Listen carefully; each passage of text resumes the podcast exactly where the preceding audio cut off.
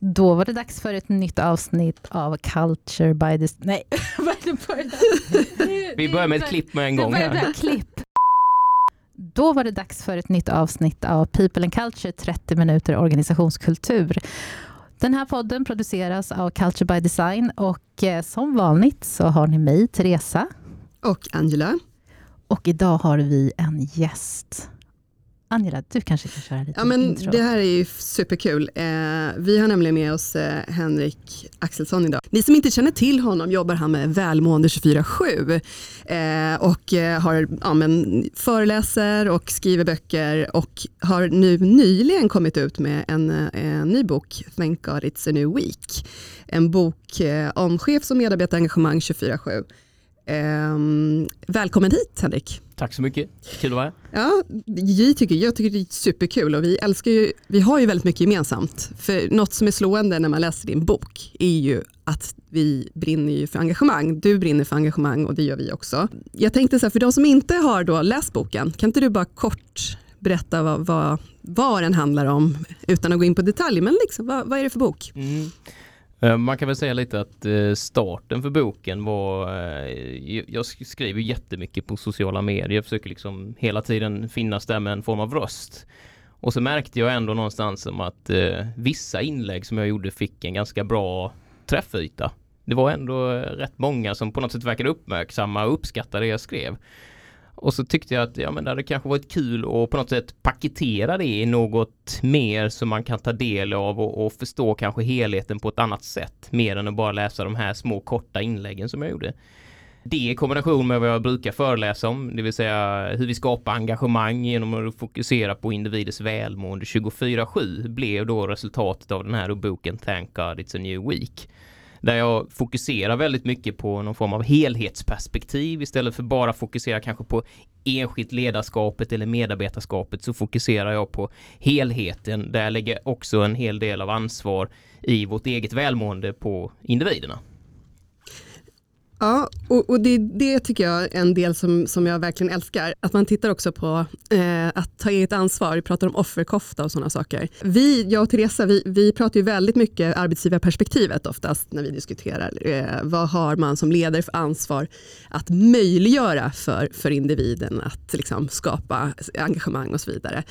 Eh, Men, men vi, pratar, vi, vi tycker ju, och det är naturligtvis väldigt viktigt även vad medarbetaren tar för ansvar själv. Ja, nej men exakt. Och jag måste ju säga att vi har ju haft varandra i varandras nätverk nu på LinkedIn under ett ganska bra tag, du och jag Ja. Henrik. Och jag tycker att just de här, eh, jag tycker att du har en, så ett bra sätt att formulera utan att liksom, det blir inte för mycket pekpinnar, utan det är liksom ett resonemang som låter vettigt på det sättet. Eh, och det är ju verkligen så som vi brukar säga där, att det är, det är var och ens ansvar också vad man gör av sin dag och sin arbetsplats och sin, sitt, sitt mindset också.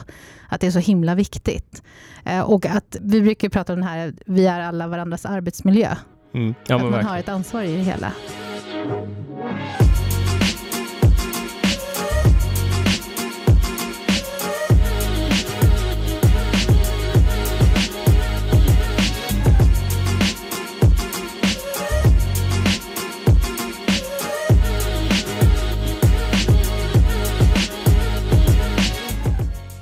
Vad är, det som, vad är det som driver dig som person? Mitt fokus, eh, jag lyssnade på en av era tidigare poddar med, med Linus bland annat som sa att han var lite av en hoppjerka mellan många eh, organisationer och arbetsplatser och lite så har det nog varit för mig också att jag också varit en, en hoppjerka fast jag ändå haft en ganska tydlig linje eller riktning om var jag vill hamna någonstans. Och det har baserat mycket på, som jag skriver också om i boken, min eh, start i livet lite. Eh, där jag växte upp i ett ganska utsatt område, ett klassiskt miljonprogramsområde med en låg socioekonomisk status. Ja, men det fanns inte det materialistiska eller ekonomiska i vår tillvaro. Och då började jag inse att det fanns väldigt mycket människor, människor runt omkring mig som hade det där. De hade saker de kunde köpa, de kunde resa, Eh, de kunde bo i fina områden och så vidare. Och det blev en jätteviktig drivkraft i mig, för mig i livet, att på något sätt jaga efter det. Och därav blev jag någon form av hoppjerka, att jag hela tiden kom till nya organisationer, jag försökte utmana nya organisationer för hela tiden på något sätt klättra på någon form av karriärstege. Vilket egentligen är helt bakvänt kanske om vi nu pratar i svenska termer. Det är ju lite, lite fult egentligen kanske att gå den vägen. Men jag inser också någonstans att mitt välmående ökar aldrig. Det ökar aldrig av att, att klättra på den här karriärstegen. Det ökar aldrig trots att jag hela tiden fick mer och mer betalt, mer och mer förmåner, kunde bo bättre och så vidare, hade en helt annan livsstil. Så blev jag inte gladare. Och jag kände på något sätt att om jag inte förändrar den här situationen nu så kommer min familj gå i en riktning och jag kommer gå i en annan riktning. Och jag levde verkligen för helgerna mer än vad jag levde för vardagen. Det blev verkligen det här klassiska ekorrhjulet. Så jag insåg någonstans att jag var tvungen att bryta upp det jag behövde förändra. Och då var det att följa efter mer av vad jag tyckte var intressant, vad jag tyckte var spännande, vad jag tyckte var kul i livet. Och då var en väg var ju att satsa på mitt egna lilla företag som jag hade startat några år tidigare. Och parallellt också gå tillbaka till eh, den polisiära organisationen som jag hade lämnat drygt tio år tidigare. För det var ju ändå ett jobb som jag tyckte var kul, men jag hade ju lämnat det för att ja, men det var ju dåligt betalt. Mm. Så att, och, och, och, då kunde jag inte fortsätta på den inriktningen då, men, men nu hade jag ett helt annat fokus om att följa det som jag tyckte var kul. Vad skulle du säga var din breaking point? Liksom? När, vem, när kände du så här, nej nu måste jag göra någonting åt det här? Nej men det var, det var sista, eh, om man nu ska kalla det karriärsteget när vi hade flyttat till Göteborg och jag hade fått ett bra jobb skulle jag vilja säga på, på eh, Volvo-gruppen och tyckte väl att saker och ting bara sprang på men jag kände att jag, jag fanns aldrig där för mina barn. Jag, det var alltid min fru som fick vara hemma och ta hand om barnen för mitt jobb det var ju så jätteviktigt och det var liksom det var det som skulle prioriteras framför någonting annat. Och som jag sa att jag behövde på något sätt förändra den situationen för jag insåg att, att jag hade sjuk söndagsångest mer eller mindre. Jag, jag vantrivdes att gå till jobbet. Och det var inte så att jag inte levererade skulle jag säga. Jag försökte komma med engagemanget in på måndagen. Men jag kände ändå att det gnagde i mig otroligt mycket och jag var tvungen till att förändra den situationen. Så att där någonstans eh, skulle jag säga att det var min breaking point. Du pratar ju också om i boken, något som vi också brukar prata om, det här morot och piska. Ja. Liksom de olika drivkrafterna och där kan man ju prata verkligen att det egentligen är någon, någon form av piska som får dig att gå till jobbet. Alltså det är drivkraft på ett sätt för du vill göra karriär och så vidare. Men det är också det som du tar upp att det kanske inte alltid är den positiva drivkraften det här att man vill imponera på sin omgivning eller liksom köpa de fina dyra prylarna. Skulle du hålla med om det att det är en av liksom, Absolut, och, och tittar man rent på motivationsteori och vad den säger om eh, vårt välmående så ser man också att drivs man av drivkrafter kring, eh, som du säger, piska eller morot då. Eh, morot som jag brukar säga att det var där någonstans jag drevs av belöningsincitamentet av pengarna mm. eller, eller statusen eller det materialistiska. Då, då, visar studier på att det leder till ett sämre engagemang, sämre välmående generellt sett. Medan om man då följer mer eh, fokus på barnasinnet så leder det istället då till ett mer ökat engagemang och ökat välmående. Och jag tyckte det var så tydligt när jag en gång intervjuade en fotbollsspelare i Halmstad bollklubb. Och han berättade att eh, ja, men han spelade fotboll och hade gjort det sedan han var barnsben och han livnärade sig på det. Men det blev så tydligt för mig att han gjorde ju det för att han tyckte det var kul. Han gjorde inte det för att han tjänade pengar. Fast han hade spelat på stora klubbar så gjorde han ju inte det för att tjäna pengar utan han gjorde det för att han tyckte det var kul.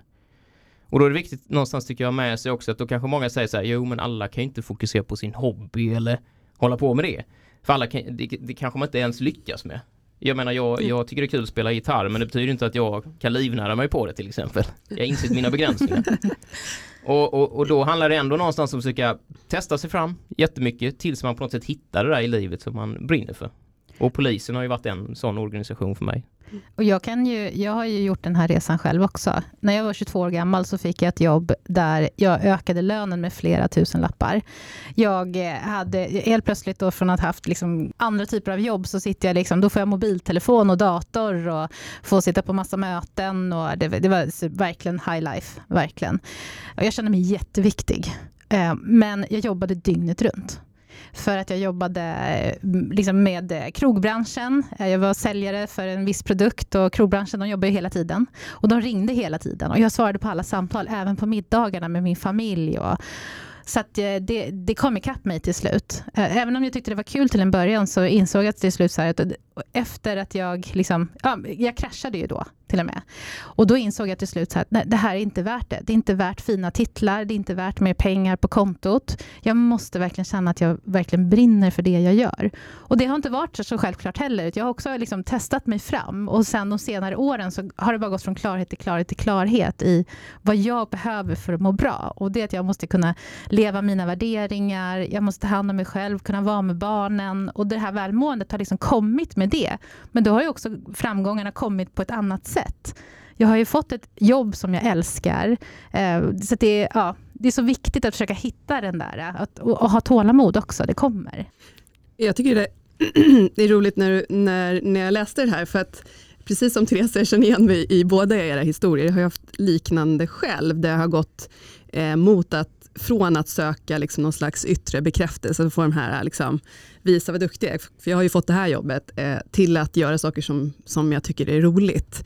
Eh, men jag har liksom inte riktigt haft orden på egentligen vad skillnaden har varit. Nu vi startar vårt bolag, jag och Teresa här nu för ja, nu, över ett halvår sedan, så har jag aldrig haft så roligt någonsin, alltså jag har haft roligt på jobbet, så det, jag, ska inte, jag har sagt det förut, men jag har aldrig haft så roligt. Försökte tänka så vad är det som gör att, att jag inte, alltså du vet jag vaknar upp, jag kan inte riktigt skilja på helg och, det här är precis det du säger, jag kan inte skilja på helg och veckor riktigt. Och då kom jag på, det var när jag läste din bok och så, skrev så, så uttryckte du på det här sättet att jo men det är det här lekfulla, barnasinnet som du tog upp, när man får testa och pröva och det, det är det vi gör varenda dag. Och det är så roligt för vi har verkligen den dynamiken också, man kommer med ett förslag och så ja, Liksom. Det, det, är inget så här, nej du är galen, utan ja, vi, vi testar och ser. Eh, och då slog det mig hur viktigt det är och så tycker jag, då tycker jag det är så intressant, men om man ska applicera det här på organisationer då, med medarbetare och bygga engagemang. Du, hur tänker du kring det? Hur kan man liksom, liksom, eh, spä på den här lekfullheten i organisationer? Kan du vara lite, har du några konkreta tips på hur man kan tänka kring det? Ja, men jag skulle säga, och det här jag först och främst lägger det eh, individuella ansvaret just det här att varför går du till jobbet? Att säkerställa att man själv går till jobbet av rätt anledning så att det liksom känns bra inne i själen.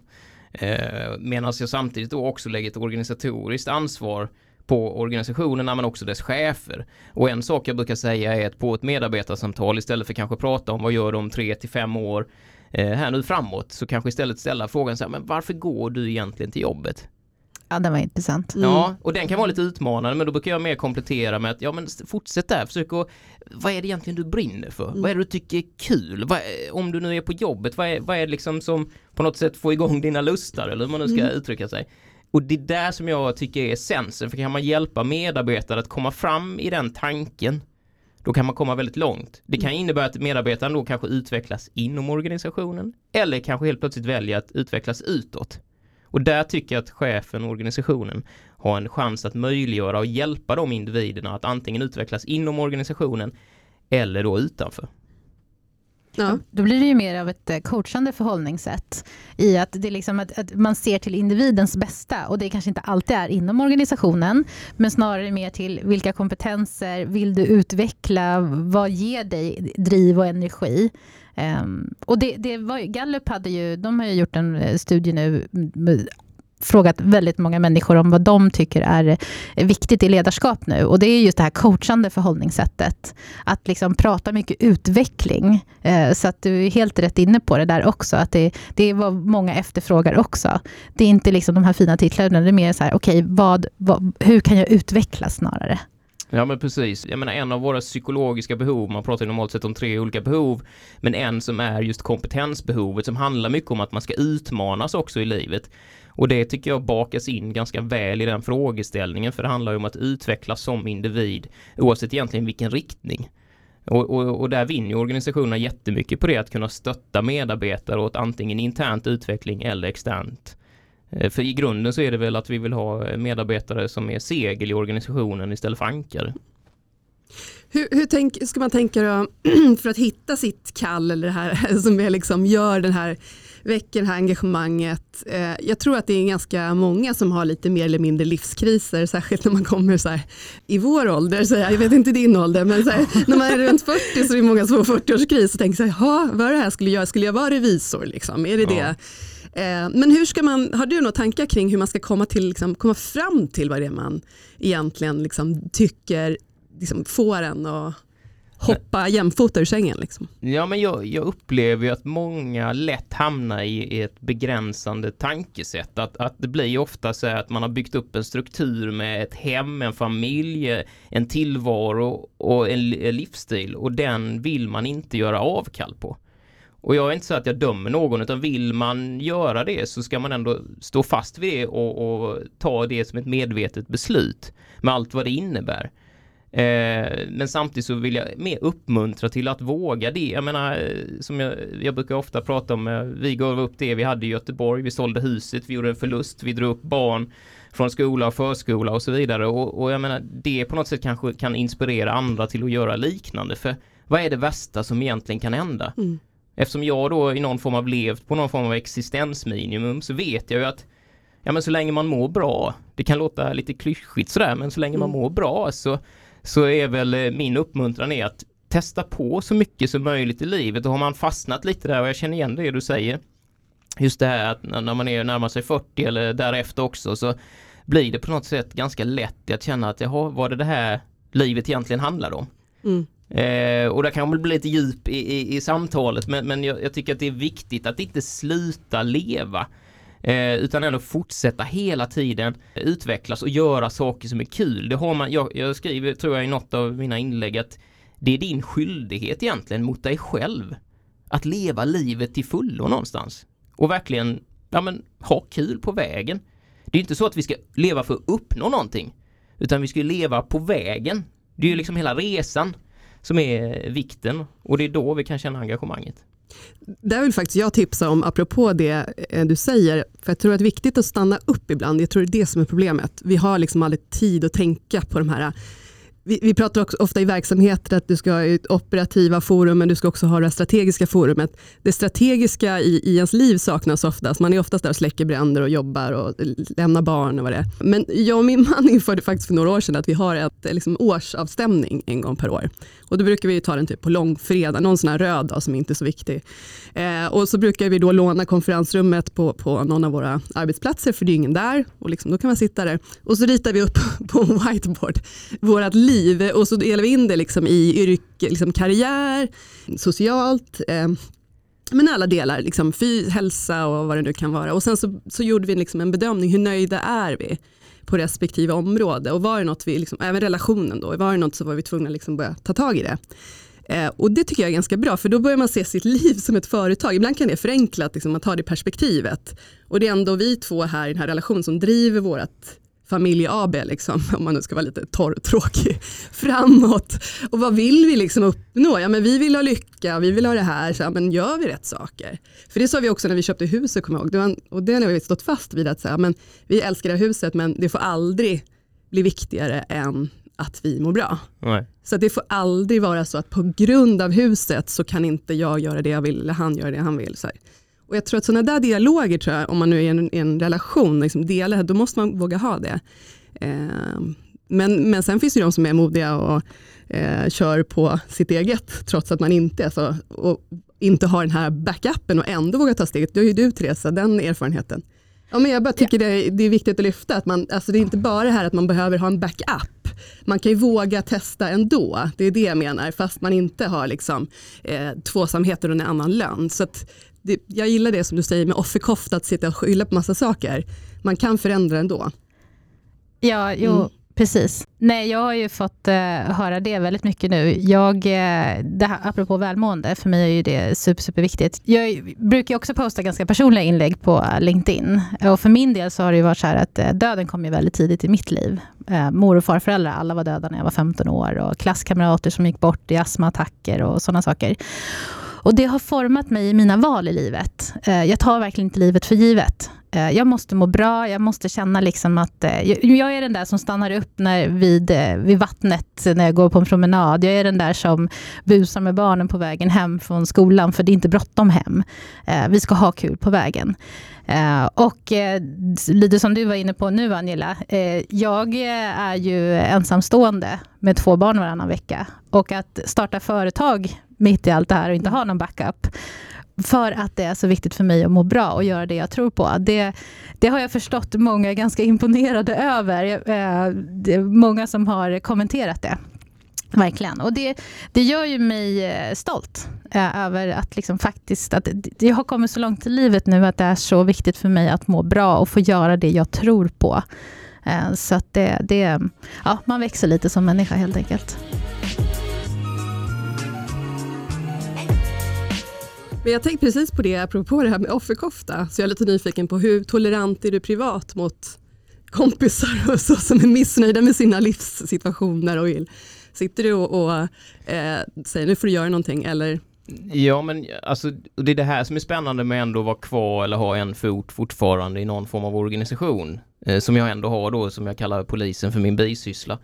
Eh, det är ju att ibland så kanske jag kan ha kollegor som känner att man har gått och stampat ganska länge på en, ett och samma ställe. Och då brukar jag ändå utmana dem lite och så här, försöka dem, eh, få dem till att eh, tänka att ja men vad är det egentligen du tycker är kul och vad, vad skulle nästa utmaning kunna vara? Och vad är det som hindrar dig från att, att lämna den här stan till att flytta till någon helt annan stad? Va, va, va, varför har du inte möjlighet att göra det? Så jag försöker på något sätt utmana då när de, när de kom in i det där och även andra då som säger så här, ja men jag önskar att jag skulle ha gjort det här i livet istället. Ja men hur gammal är du? Ja 42. Ja men vadå, det är väl inte för sent? Alltså det är väl aldrig för sent? Alltså bara kör på liksom. Mm. Mm. Varför vänta? Bara återigen, så att jag försöker mm. väl utmana lite i, i det samtalet. Och det är därför jag, jag pratar mycket om det här 24-7. Mm. Och jag menar många gånger att vi kan skicka iväg så här ledare och medarbetare i en organisation och vi, på utbildning en gång om året eller vi kan prata om feedback eller kultur och allt vad det nu än är. Men om medarbetarna själva känner att de är på fel plats vid fel tidpunkt i livet då kommer ju kanske de andra sakerna man gör inom en organisation inte hjälpa fullt ut. Och det är där det kommer in då det individuella biten i här också, att säkerställa att man är på rätt ställe. Och det tänker jag också mycket på nu att det, det, är fler och fler organisationer nu som har mer kontinuerlig feedback med medarbetare. Ehm, jag var på ett event igår där det var en eh, kille från eh, IKEA som var med och han berättade att ja, vi har kontinuerlig feedback hela tiden nu. Och eh, där vill man ju verkligen få företag och organisationer att förstå att det är inte längre det här medarbetarsamtalet, utvecklingssamtalet en, två gånger om året, utan man behöver, alltså det, den nya tidens coachande ledarskap, då ska man ha frekventa avstämningar för att också förstå var individen befinner sig någonstans. Och som du säger, det kan också vara privata saker. För det ställer också andra typer av krav eller förväntningar på eh, vad man kan förvänta sig av en medarbetare helt enkelt. Att allting, allting hänger ihop 24-7. Anela, du brukar ju prata om det, liksom att ja, men det här med privata också, det är minst lika viktigt i det hela. Att ha work-life balance eller work-life integration som vi har pratat om i tidigare poddar också. Att vi är ju en hel människa. Vi är inte bara en medarbetare, kollega eller ledare för den delen också. Så det är så himla viktigt att man förstår att det behövs vara kontinuerligt också.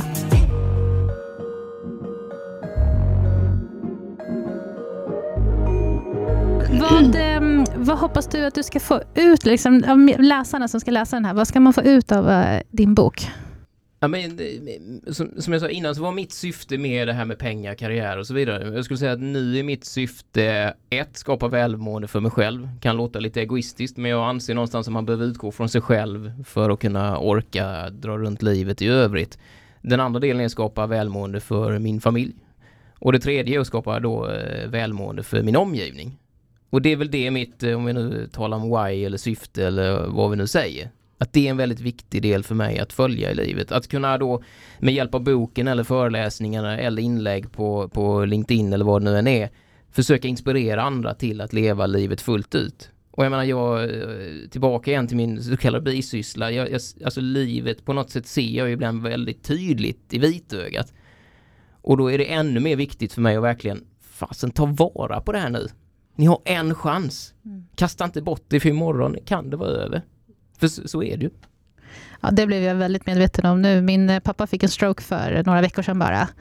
Och eh, där var det ju verkligen också just det här att hur det kan vända. Och det, det sjuka var ju att samma dag så ringer jag ju honom och säger så att jag skulle vilja jobba mer på vår relation. I så här, äh, den funkar, men den skulle kunna kanske vara bättre. Och jag älskar dig och jag säger dessutom att livet är kort. Det var så sjukt. Och sen några timmar senare så hämtar ambulansen honom. Alltså, så det, det, har verkligen fått mig att liksom fortsätta på den vägen som, som jag verkligen tror på nu. Att verkligen ta tillvara på livet här och nu. För det, det, det, är verkligen så viktigt. Jag brukar ha ett nyårslöfte varje år som är eh, samma sak och det är att jag ska ha så roligt som jag kan det här året. För då tycker jag så här, då, då kommer jag, det kommer jag verkligen vilja liksom uppnå det. Det, blir, det är ingen sån här, äh, du ska sluta med det här, du ska gå ner eller du ska, utan du ska ha så roligt som möjligt. Då är liksom, just det, jag måste leva upp till det här löftet. Eh, men jag tänker så här, en sak som slår mig nu som är intressant, som jag skulle vilja veta lite mer om, som vi inte har pratat om, och det är ju ditt företag också. Ja. Vad, vad, vad är det du egentligen gör? Bortsett från att du skriver böcker och föreläser, vad, vad gör du för någonting? Mitt företag startade jag 2016 mm. och namnet fick kommunikativa verktyg för jag har ju en, en kommunikationsbakgrund i, i, grunden. Och jag upplevde efter att ha jobbat eh, många år med kommunikation och framförallt då med lednings och chefskommunikation att jag upplevde att chefer tyckte att kommunikation ibland blev lite otydligt, svårgreppbart. Man pratar om mjuka värden vilket får mig att säga, jag brukar skriva att det, att det kliar liksom, jag får eksem när man pratar om ja. det som mjuka värden för det är lika hårt som allt annat. Men, men eh, någonstans där så, så eh, vill jag ta fram liksom handfasta fysiska verktyg som något då kunde hjälpa chefer att, att fortsätta utveckla med medarbetarskapet. Och då blev eh, den första utgåvan eller utgåvorna blev då eh, kommunikativa spelkort som bygger då på att man ska skapa en dialog i organisationer. För dialogen är ju liksom på något sätt kittet till att lära känna oss varandra och sinsemellan. Och då har jag baserat det också mycket på våra psykologiska behov om vad vi behöver som individer, vad vi mår bra av. Som en av frågeställningarna i en av lekarna är så här, men varför går du till jobbet? Där är den frågan exempelvis. Och sen så allt eftersom åren gick så utvecklade jag mer och mer och fler och fler verktyg. Och i grunden har hela tiden varit att egentligen hur skapar vi engagemang genom välmående 24-7 och med hjälp då av fysiska verktyg. Så därav namnet kommunikativa verktyg. Mm, spännande. Och om man tänker då på, om du nu skulle få ge här, tre råd nu, speciellt, jag tänker så här, det här med pandemin, det har ju inte undgått någon, eh, för att skapa välmående. Vad, vad, tre tips till lyssnarna liksom på vad de kan försöka göra här och nu. Det första skulle jag nog säga är att se varandra i ganska stor utsträckning nu. Det är så många gånger vi, vi är så uppe i vårt jobb att vi liksom tittar ner i datorn och vi ser aldrig våra kollegor. Och en av våra psykologiska behov handlar just om samhörighet, skapa team, skapa en stark känsla där man vill, att man vill komma till jobbet. Ungefär som man är hemma och man lever med någon, att då vill man väl att den man lever med ska uppmärksamma en och fråga hur man mår och så vidare. Det är den första saken som jag tycker är jätteviktig. Och det är många ensamma människor idag som, som mår dåligt. Så att jag, jag, det är jätteviktigt, samhörigheten. Hitta den. Eh, två skulle jag säga är att eh, fråga sig själv då egentligen att vad är det jag gör i livet och vad är det jag brinner för? Och eh, lite som den listan du Angela pratade om som du eh, gjorde där, att ni brukade rita upp årshjulet ungefär. Att i, i, boken skriver jag just det att stapla upp då alla aktiviteter man gör under en dag eller under en vecka. Och så placera ut dem eh, och vilka drivkrafter som styr de här aktiviteterna. Och har man då mycket under piska och morot, att, att man gör det under piska och morot, ja men då påverkar det ens välmående i stor utsträckning. Och då handlar det om att börja flytta aktiviteter över till barnasinnet, att man gör det med av rätt anledning. Så att ställa sig frågan, varför gör jag det här? Gör jag det för att jag tycker att det är kul och för att jag mår bra av det eller gör jag det för att jag känner att jag måste göra det? Det är den andra saken. Eh, och den tredje saken är att, ja men tillbaka kanske lite där offerrollen, att fastna inte i, i någon händelse som kanske har inträffat tidigare i livet. Det, har inte, det, det är ju inte du i grunden utan du är ju någon annan egentligen. Det är en erfarenhet som du bär med dig men det ska inte få lov att bli en ursäkt till den du är. Så att du har alla möjligheter egentligen i världen att kunna påverka din egen situation. Och ge aldrig upp. Det tar tid många gånger. Det handlar om att börja med små steg idag så blir det elefantsteg imorgon. Ja, väldigt bra, väldigt tänkvärda tips verkligen. Jag tror att det är många som har svårt att kanske stanna upp och, och, tänka de här tankarna nu när det är som det är. Och det är viktigt att få den påminnelsen. Mm, verkligen. Men kan man ha roligt hela tiden då? Nej, och, och, och, där måste man ju vara realistisk någonstans också för ibland, ibland, så kanske vissa tror att jag menar på att livet är bara liksom det är medvind och det är nedförsbacke hela tiden. och alla vet vi att det är ju inte så ju. Det är ju inte så. Eh, men samtidigt så är väl det charmen med livet att det är upp och ner eh, och att det är nyanser likt årstiderna. Mm. Men sen tänker jag också så här, jag ser det som eh, de här tuffa perioderna man har haft i sitt liv. Eh, jag ser ju det som att det har hjälpt mig att också uppskatta livet väldigt mycket. Att eh, man tar inte saker och ting för givet, att man lär sig av saker och, och man blir också mer medveten om att om jag klarar det här, då när nästa sak kommer, då sätter man det i relation till varandra och inser att men det kanske inte är så farligt. Eller rättare sagt, jag klarade det här. Det här this too shall pass. alltså, det blir verkligen så att man... Eh, så det behöver inte vara negativt alla gånger, utan man får försöka tänka att man lär sig och då kommer man njuta ännu mer sen när det är roligt och man är, känner liksom lekfullhet och vad det nu kan vara. Jo men allt eftersom ryggsäcken fylls på så blir väl perspektivet bredare, synfältet blir bredare så att jag tror man lär sig att hantera topparna och dalarna på ett helt annat sätt och uppskattar kanske dem mer för vad de är och ha en större förståelse för att de är övergående. Ja, förhoppningsvis. Ja. Men precis som du säger, man kan ju verkligen göra saker ändå för att göra det lite mer, få in lite mer glädje i den här vardagen, ekorrhjulet. Du skriver i boken, varför har man aldrig tisdagsmys? Man har fredagsmys, men aldrig tisdagsmys. Jag sa faktiskt i veckan till mina barn, i tisdags, ska vi ha tisdagsmys? Alla tittar helt frågande på mig middagsbordet. Min man sa så här, vad menar du? Vad ska du köpa? Jag bara, nej men jag tänker vi köper lite godis och har tisdagsmys. Och alla bara, ja! Och alltså, men vadå, det, vi ska inte köpa godis i veckan. Och, så, men, och då tog jag liksom referensen, men varför kan man inte bara kasta om lite grann? Och barnen var helt överlyckliga. Bara, ja, ja, ja, så kan vi onsdagsmys och torsdagsmys. Jag bara, nej, nej, nej, stopp, stopp. Nej men det är, ju, det är ju ändå härligt att bryta upp lite i de där normerna och, och jag brukar ta upp ett exempel under mina föreläsningar att jag hade en tjej som en gång frågade mig så här att ja, hej Henrik, hur är det med dig? Och, rent, och detta var en fredag, rent liksom eh, i ryggmärgen så svarade jag så här, jo det är bra, fantastiskt bra, det är fredag, du vet liksom helgen kommer, underbart. Och då drev jag ändå nu då mitt egna företag och jobbade polisiärt vilket innebär att jag jobbar ju lördag, söndag, måndag, alltså alla dagar in i vartannat så jag har liksom inte fredags kanske känslan på samma sätt eller eh, ja. Och, och då är det på, på sätt och vis som att det där är inprogrammerat i våra ryggrader att säga så. Thank God it's Friday. Alltså på något sätt är det en, blir någon form av sanning och även om vi liksom raljerar lite över det ibland, vi skämtar om det, så blir det någon form av sanning. Och det är tillbaka till det här då, Thank God it's a new week, att verkligen uppskatta var dag.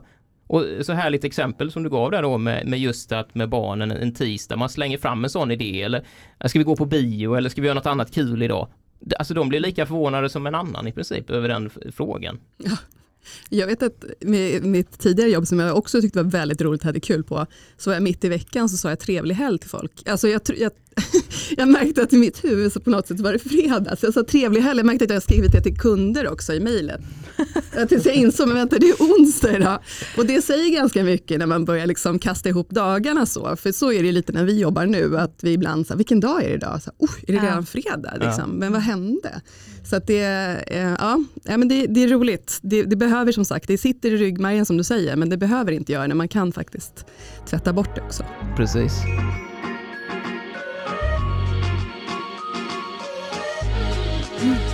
Det, det får ju nästan avsluta den här podden. Ja, jag fick en tanke. Eh, det är så här Henrik, du är ju så himla schysst. Du kom ju hit med två böcker till oss. Ja. Eh, och Angela har ju faktiskt redan köpt din bok, så det betyder att vi står ju faktiskt med en extra bok här nu egentligen. Så att jag har en tanke om att, vad sägs om att vi lottar ut en bok? Att man får skriva in en motivering till varför man vill läsa din bok. Strålande. Ja, det låter ju som en toppen idé. Ni som lyssnar, mejla till hello at culturebydesign.se och skriv varför tycker ni att det är viktigt att känna att thank God it's a new week. Så, ehm, så testar vi det. Så det finns en bok här för eh, de som känner sig manade helt enkelt. Ett superbra förslag. Sen också för er som lyssnar, är det nu så att ni har tankar och idéer på eh, poddteman, avsnitt, gäster, eh, så är vi eh, väldigt glada. Eh, så det är bara att mejla till samma hello at culturebydesign.se. Precis, eller har ni frågor till Henrik kan ni också mejla dem till oss och vidarebefordrar vi dem såklart. Ja, men stort tack för att du... Alltså, vi är ju så himla glada att du tog och körde upp hit till oss. Det var ju några timmar i bilen. Ja, men, men det är också lite det som, som ni säger där med att sätta fingret på när man är egen. Att det är ju så kul att man bara spontant kan göra så. Man, man, man liksom lägger 12 timmar på en dag för att spela in en härlig podd liksom, med två härliga personer. Så att, eh, stort tack själva. Ja. ja. Och det har gjort oss lite mer välmående idag. Ja, det har det verkligen. Så lite närmare ditt mission. Ja. Ja, men stort tack för att ni lyssnade, eh, så hörs vi snart igen. Det gör vi. Ha det bäst.